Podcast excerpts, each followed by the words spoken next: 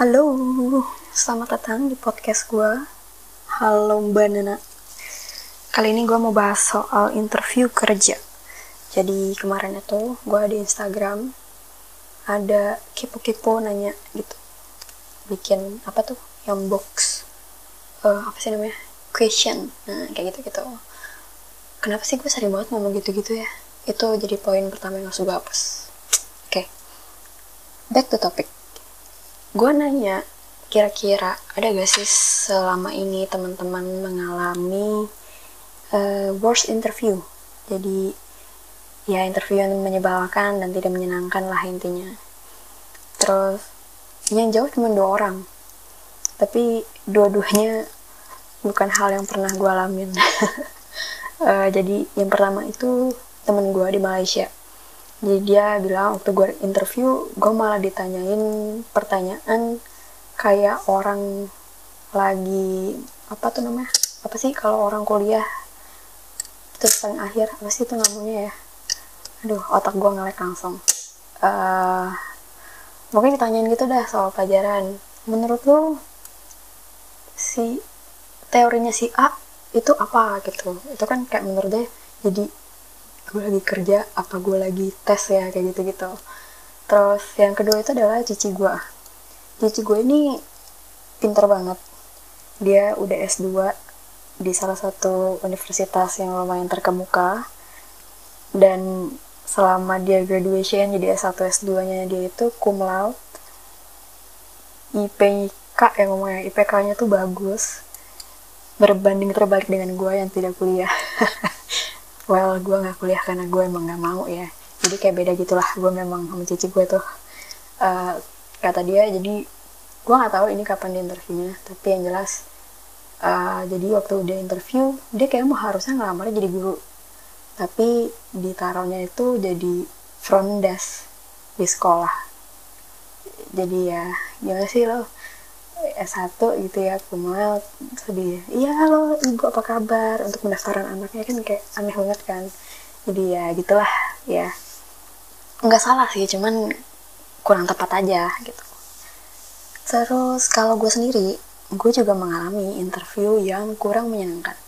Jadi bisa dibilang dari awal pertama kali gue bekerja itu tahun 2015 gue tidak melewati masa interview yang cukup serius sampai di tahun 2019 atau 2018 pokoknya gue interview pertama kali yang bener-bener kayak orang interview itu waktu gue lamar di coffee shop di Jakarta Selatan. Itu dia dia adalah tempat pertama yang kasih gue form gitu. Kayak lo tulis ulang terus uh, plus minus lo apa terus lo mau dapat gaji berapa kayak gitu gitulah dari situ gue juga belajar tuh ternyata itu cukup mempermudah kalau gue harus interview orang. Terus tapi kebanyakan tuh gue emang interview yang gak serius itu lebih banyak. Cuman bukan berarti tidak berfaedah sih. Jadi gue tetap di interview sama uh, ownernya kadang. Lebih sering sih sama owner karena uh, gue kan lamarnya di coffee shop ya. Bukan perusahaan gede gitu. Jadi coffee shop biasanya lebih santuy sih. Nah dari situ gue biasa ngobrol sama ownernya dan lebih apa ya jadi gue bisa tahu gitu loh owner atau calon bos gue ini orangnya kayak gimana. Dan mereka tuh semuanya pay attention ke gue. Maksudnya gini waktu mereka nanya nanya sesuatu hal tentang gue atau misalnya kita ditanya tuh lu lima tahun ke depan mau jadi apa? gitu kan klise banget. Itu mereka udah bener ngeliat ke gue gitu dan uh, yaitu tadi pay attention. Jadi ketika gue cerita tentang oh ini ini loh gue pengennya tuh gue lima tahun ke depan gue gimana? Di um, karir gue gimana? Kayak gitu gitu dan gue pernah sekali interview di tempat yang menurut gue itu lumayan oke okay gitu lumayan bagus. Cuman waktu gue interview Eh, kejanggalan-kejanggalan uh, itu mulai terjadi. Jadi gini, karena gue udah kebiasaan di interview sama owner, sama bosnya langsung, jadi gue berharap atau gue terbiasa, uh, gue menemukan tipe-tipe orang yang mirip gitu. Tapi yang ini ternyata kebalikan. dari perkenalan pertama dan segala macamnya gue masih kayak oh ya masih senormalnya lah selayaknya orang interview sampai sampai uh, di titik dia nanya ke gue target lu apa? Gitu. Apa yang lu dapat selama lu kerja lima tahun di kopi? Dan jujur gue memang lima tahun di kopi itu bukan kayak uh, mendalami kopinya gitu. Maksud gue gue suka ngulik gue suka um, manual brew. Gue tertarik manual brew itu 2018 2019 um, gue punya apa yang ngomongnya? Gue punya style gue sendiri tapi gue memang lebih penasaran tuh sama uh, bisnisnya gitu loh. Gimana lu bisa mengatur staff lu? Ngomongnya tuh apa ya? Learning and development. Jadi gue lebih suka gue gue tertarik banget untuk membuat suatu tim atau nge-build tim yang semua orang mau maju nggak ada sikut-sikutan. Karena gue percaya hampir semua orang yang gue tanya tentang perusahaan atau bekerja gitu pasti mereka ngomong wah dunia kerja mah banyak sikut-sikutan. Nah gue mau gue mau membuktikan gitu kalau kalau nggak dengan cara nyikut pun lu bisa sukses. Nggak dengan cara nyelakain orang atau ngejelekin orang lu bisa bersinar gitu. Lu bisa dengan cara apa? Ya lu bantu backup teman-teman lu lu bantu mereka yang kurang gitu loh. Bukan kurang benar-benar kurang ya maksud gue setidaknya meskipun mereka kurang itu pasti ada deh nyala-nyala tertentu ya meskipun lo mungkin lebih pintar skill kopinya gitu ya. Tapi lo pasti belajar dari orang tersebut gitu yang menurut lo kurang skill kopinya. Lo belajar etik attitude apa gue udah mulai belajar uh, etikanya gitu loh. Oh ternyata nih orang lebih sabar daripada gue menghadapi customer gitu ya. Pasti kita jadi tahu kan nilai plusnya ada sesuatu yang juga kita pelajarin dari orang itu. Itu yang namanya saling membangun saling mengasah kayak gitu-gitu. Nah selama gue ngejelasin itu uh, si uh, orangnya ini gitu ya yang interview gue gue agak shock karena dia main handphone. Gue langsung sedikit apa ya gimana? gitu perasaannya. Jadi dia kayak nggak genegerin tidak mendengarkan. Habis itu dia ya ya ya habis itu udah nih gue udah pulang dan segala macam. Dan at the end memang kayaknya gue gak diterima juga sih. Jadi ya udahlah gitu kan terus gue jadi merasa kayak emang emang kalau dia uh, maksudnya bukan gue bukan dendam karena gue gak diterima ya. Tapi karena gue merasa ini ini baru pertama kali nih gue mengalaminya gitu terus gue jadi berpikir tuh beberapa hari sampai pada hari ini gue bikin uh, podcast ini. Apa iya? Kita meskipun kita bilang kayak ah coffee shop kan lebih santai ya nggak perlu sampai sampai se pay attention itulah gitu loh sama orang-orang yang interview. Uh, lu harus bilang itu salah. Malah karena lu adalah bos atau ownernya dari situ juga lo dinilai gitu. Gue akan membicarakan dari dua sisi ya. Jadi di tempat gue kerja sebelumnya, gue tuh bertugas juga untuk menginterview orang. Ada beberapa poin yang gue harus lihat.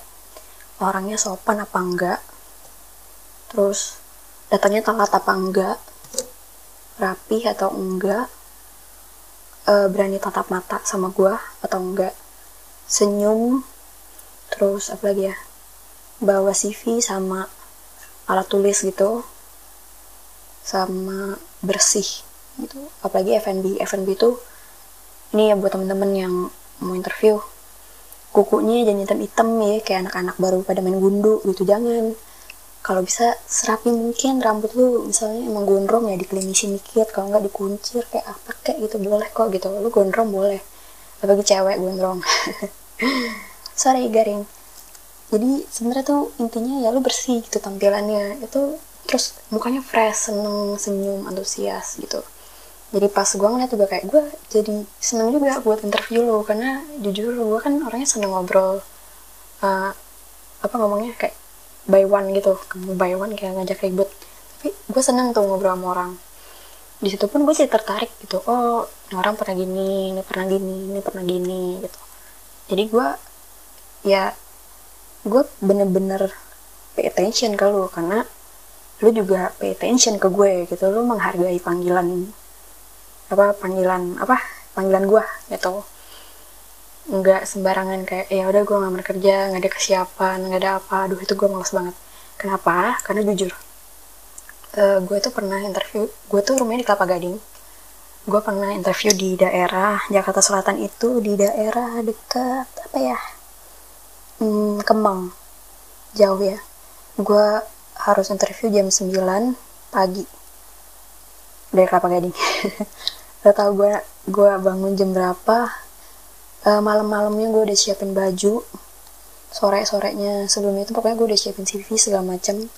Uh, bawa botol minum terus pagi-pagi gue bangun. Pokoknya gue udah cari rute gitu gimana cara tercepat buat nyampe sana. Dan gue nyampe tuh jam 9 kurang 30 menit. Jadi gue 30 menit lebih awal. Dan um, menurut gue kalau ada orang yang misalnya rumahnya jauh nih datang ke tempat kerja gue yang yang gue gue interview mereka. Terus mereka yang maksudnya mereka kan udah apply CV kan berarti mereka tahu dong ke mana mereka mengapply. Misalnya rumah mereka di Bekasi harus datang ke Kelapa Gading ya lu berarti udah tahu lu harus spend waktu berapa lama. Jadi nggak ada alasan terlambat macet seharusnya. Apalagi itu first impression lu tuh. Terus yang yang paling sering ini sering banget. Setiap gue um, misalnya oh oke okay, boleh. Uh, kira-kira kesiapan waktunya kapan? Nanti interviewnya di sini ya. Oh oke okay, kak. Itu di daerah mana ya? Itu rasanya gue pengen nanya lah lu nggak tahu ke tempat di mana lu apply? Kalau gue bilang lu ke Medan gimana gitu kan. Jauh pak gitu kan. Kok nggak nggak se nggak apa ya kayak main-main gitu jadi lu nyari kerjanya. Itu gue pasti bertanya-tanya dalam hati karena gue nggak kayak gitu orangnya gitu. Terus um, sebagai orang yang diinterview gitu karena kan gue udah pernah menginterview dan diinterview. Jadi waktu gue sebagai si interview orang yang diinterview gue juga jadi punya big picture tentang tempat yang akan gue bekerja. Karena gue tipikal orang yang lumayan loyalitas tanpa batas gitu. Kerja 9 jam gue bisa kerja 12 jam. Saking loyalnya. Jadi dan itu pun gue kadang pulang gue masih mikirin juga gitu. Wah itu itu itu alasan kenapa gue gampang burn out sebenarnya. Karena gue orang yang kepikiran. Jadi pas apa namanya uh, sebagai orang yang diinterview gitu. Gue dapat beberapa poin selama proses tersebut. Yang pertama yang tadi gue bilang gue dapat big picture tentang perusahaan tersebut. Apakah perusahaan tersebut memang punya visi dan misi? Apakah si ownernya ini memang seperduli itu dengan usahanya? Apakah uh, coffee shop itu akan berjalan langgeng atau enggak? Karena kan lo nggak mungkin dong lo apply kerjaan ke tempat yang gak jelas. Kayak sembarangan sembarangan kerja gitu. Gue pun uh, meskipun lagi susah gini gitu ya teman-teman gue tuh banyak yang ngomong udah apa aja ke sini apa aja sini ke yang sembarangan gitu loh. Maksudnya uh, lu kan kerja bukan cuma enam bulan. Kalau lo bisa setahun atau bahkan lima tahun tapi tempat lo nggak bisa survive lo sampai satu tahun gitu. Terus lo ke mana? Mentang ngantung lagi nyari kerjaan lagi gitu. Bisa apa ya kayak uh, kayak kayak menurut gue nggak bijak lah kalau nyari kerja yang kayak gitu caranya. Jadi gue bener-bener tahu dulu coffee shop ini memang bener-bener gak gitu. Jangan sampai gue juga gue juga nggak mau gue cuma sembarangan kerja gitu. Dari selama gue interview kan pasti bosnya ngomong dong kayak oh kita nih uh, menujunya ke arah sini sini kayak ngasih tau kita gitu loh. Ya visi misi gue kayak gini gini gini gitu. Jadi pas gue kerja gue jadi berasa gue juga punya tanggung jawab untuk menggerakkan usahanya dia. Bukan cuma lo bayar gue gue kerja bikin kopi doang gitu enggak.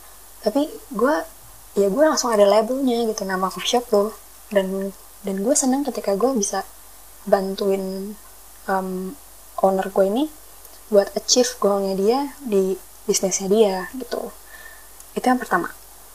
Yang kedua gue juga jadi dapat plus minusnya.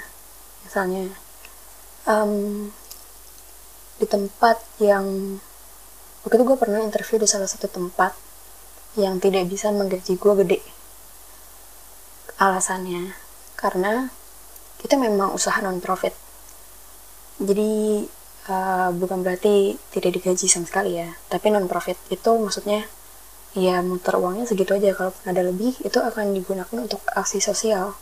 Dan gue seneng banget sebenarnya. Cuman gue nggak dibolehin waktu itu sama uh, bokap gue itu tempat itu uh, apa ya dari situ gue jadi tahu gitu loh oh ternyata gue nggak nggak cuma kerja gitu. Jadi kan kayak gue sekalian kerja sembari gue bantuin orang lain yang ada di luar sana buat buka lapangan kerja buat mereka. Itu kan karena aksi sosial gue lumayan tinggi. Cuman gue emang lumayan pelit orangnya. Perhitungan lebih tepatnya. Jadi kayak gitu gitu terus kayak misalnya plusnya oh uh, coffee shop gue ini lebih mengarah ke hmm, apa ngomongnya specialty coffee. Jadi gue gue jadi tahu juga nih oh plusnya adalah gue bisa belajar um, kopi yang lebih mendalam. Jadi gue nggak cuman bilang ke orang oh nih cappuccino piccolo lebih balance yang mana? Enggak tapi lebih detail gitu. Ada kopi-kopi lain yang bisa gue kulik. Terus gue juga jadi tahu oh ternyata ini ownernya juga ngerti kopi gitu kan. Dia bisa steam susunya sampai manis gitu. Itu kan plus minus kan. Jadinya kita tahu nih sekali lagi tuh ya kayak big picture juga sih termasuk dalam itu juga. Terus apalagi ya yang gue dapetin itu ada juga um, reminder juga buat diri gue sendiri. Ini poin ketiga. Reminder buat diri gue sendiri karena kan kalau interview gue kan harus bikin CV maksudnya di upgrade kan. Sebenarnya itu harusnya jadi reminder kita juga kita jadi aware. Tahun sekian gue jadi barista. Satu tahun kemudian gue jadi head bar. Dua tahun kemudian gue jadi store manager. Berarti lo ada peningkatan tuh. Nggak mungkin kalau dari 2015 sampai 2000 apa nih? Gue lupa. 2020 lo jadi barista doang mending barista doang tapi jadi junior barista. Itu artinya kan lo males. Say that karena berarti lu nggak mau upgrade sesuatu lu nggak mau belajar sesuatu udah mentok aja gitu-gitu aja. Dan itu biasanya yang interview bakal bingung. Karena ya berarti lu orangnya malas gitu. Atau bisa juga dijadikan peluang. Tapi lu dibayar murah udah intinya gitu doang sih. Kalau lu males mentok di satu-satu aja tapi bisa gitu. Ya udah. Oh harusnya bisa gini loh maksud tuh kayak gue nih misalnya. Kalau gue mentok nih kayak dulu aja gitu apa yang gue pelajarin. Ya gue mungkin mau kasar kayak gue digaji satu juta gitu. Lo nggak mungkin kan tahun 2020 lima tahun kemudian lima tahun kemudian lo dibayar tetap satu juta. Satu juta lima tahun itu inflasinya udah banyak gitu kan. Nah itu yang gue maksud. Jadi itu jadi reminder ke kita oh gue udah kerja apa ya? Gue udah upgrade apa ya? Gue udah improve apa ya dari kinerja gue meskipun nih meskipun misalnya tapi gue tetap kok jadi barista-barista aja gitu atau jadi apa gitu. Kalian mungkin bisa um, apa ya ngomongin kayak di CV gitu. Misalnya kebanyakan kan kita masukin hobi ya. Menurut gue hobi itu tidak penting sih.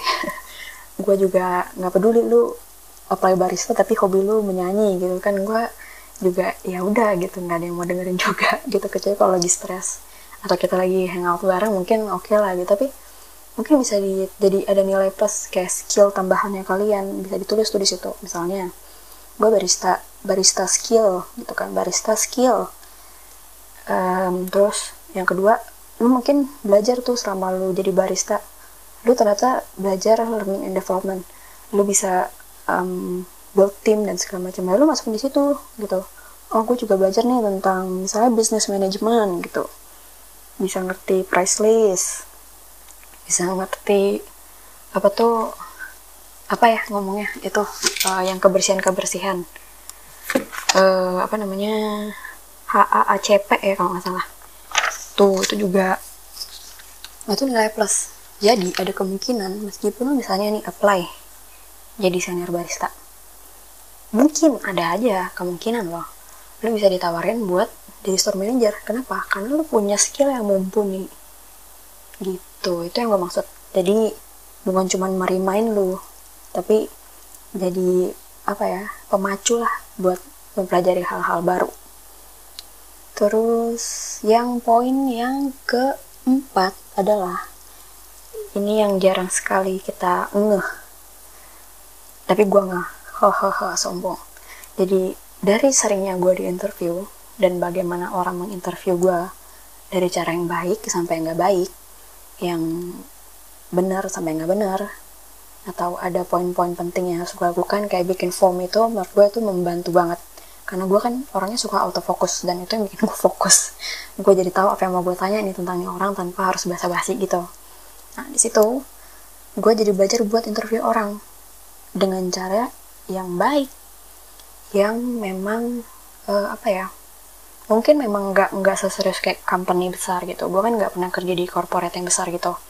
Jadi gue nggak tahu tuh kalau kalian kantoran gimana ya. Tapi kalau misalnya di coffee shop gitu gue jadi tahu meskipun ini coffee shopnya nyantai nih ownernya tapi gue perlu form-form itu atau gue perlu beberapa detail-detail yang memang harus gue uh, sampaikan ke orang yang akan bekerja nanti bareng sama kita semua. Jadi gue nggak bisa sembarang bukan nggak bisa sembarang. Gue semakin ter apa ya kayak kayak makin memfilter gitu loh orang-orang yang akan join gabung kerja bareng sama gue dengan tim gue karena kan masukin orang baru ke dalam tim itu sebenarnya susah gampang. Karena di tim itu udah ke build gitu kan kita udah punya kayak lingkaran terus harus terima orang luar. Kalau orang luarnya enak kalau orang luarnya yang agak-agak menyebalkan kan hmm, gue nggak tahu ya kalau orang gimana. Tapi kalau gue tuh karena gue introvert jadi gue kayak canggung-canggung gitu loh. Nah itu maksudnya itu bisa membantu gue lah gitu untuk memilih orang yang bisa bekerja sama dengan gue dan tim gue itu dan siapa tahu aja tuh nanti meskipun misalnya belum sampai di tahap itu nih gue nggak pernah disuruh bos gue interview orang gitu ya. Tapi siapa tahu gitu waktu lo dapetin kesempatan itu gitu sebagai orang yang bertanggung jawab untuk meng-hire orang ya lu udah lu udah terbiasa buat ngobrol sama orang itu. Udah pede gitu bukan yang minder-minder e, e, e, namanya e, siapa tuh namanya namanya padahal CV-nya di depan mata lo. Gitu. ya kayak gitu gitu terus jadi lu jadi uh, pay attention to detail. Ya lu juga jadi bisa detail juga kan ngertiin orang kayak gini gini gini. Jadi belajar aja. Siapa tahu nanti lo ada di posisi itu dan jadi lo bisa interview orang dengan baik plus owner lo bisa percaya juga dengan hasil yang hasil orang yang lo hire gitu. Memang bener nih orang gitu. Nggak sembarangan dicari nggak cuma sembarangan buang duit lah ngomong kasarnya. Karena owner itu juga ngeliat gitu. Bener nggak sih? Gue harus bukan bener apa nggak worth it gak gue harus bayar orang itu tenaganya dia sekian dengan kinerja dia yang sekian. Kalau nggak worth it ya kenapa lu hire kayak gitu? Itu kan tanggung jawab kita juga. Jadi ya better harba lu gitu. Jadi seputar interview adalah seperti itu. Mungkin teman-teman ada pengalaman lain yang menyebalkan atau yang malah gue terharu banget lewat interview ini gue dicerahkan gitu. Kayak waktu itu gue di tempat yang di Jakarta Barat gue dicerahkan tuh. Karena ada jiwa sosialnya gitu. Tuh gue happy banget. Itu dicerahkan dan menjadi ide menurut gue kalau kalian punya um, masukan atau ada request lain yang mungkin kalian mau tahu tentang dunia F&B bisnis mungkin gue tidak expert tapi gue berusaha untuk mencari informasinya nanti buat kalian di next podcast kalian boleh kirimin ke email nadia ekasari at gmail.com atau kalian bisa ke Twitter Nadia Kasari N A D Y A bukan N A D I A. Boleh ke sono. Atau Instagram juga gila nih gue kayak lagi apa tuh namanya kayak lagi ini ya promosi-promosi terselubung gitu. Kalau mau lebih luasnya nanti ada di description box saja biar nggak salah karena gue suka nambah-nambahin huruf i dalam nama gue. Jadi ntar salah-salah gitu. Terlalu malah DM orang lain langsung kayak ah siapa nih? Tiba-tiba nanyain interview. Ya gitu kan canggung aneh gitu kan. Oke okay, gitu aja. Gue cuma mau bilang di tengah pandemi ini yang lagi nyari kerjaan lagi semangat. Jangan patah semangat tetap percaya. Dan yang paling pertama adalah selain persiapan kalian harus berdoa. Pastikan kalau misalnya ini kalian udah dapat pekerjaan ah maksudnya tempat di mana yang akan kalian mau kerja apply doa dulu bro. Utamakan yang itu dulu itu baru apply. Jadi ora et labora kalau di agama gue ngomongnya. Jadi nggak cuma sekedar bekerja atau bukan cuma sekedar berdoa tapi berdoa dan bekerja. Kalau misalnya memang itu jodoh lu tempat lu itu adalah uh, jodoh lu pasti akan diberikan gitu. Sesuai dengan ekspektasi salari yang pas juga itu udah pasti. Ya kan kita akan mencari itu yang utama karena di tengah tengah saat seperti ini bingung banget kan semuanya nyari kerja. Tapi good luck teman-teman. Jangan patah semangat. Berjuang terus. Gue juga berjuang di sini untuk mendapatkan uh, secerca harapan. Uh, tapi kita harus sama-sama semangat. Dan terima kasih karena udah mau dengerin obrolan gue yang panjang ini hampir 30 menit. Terima kasih teman-teman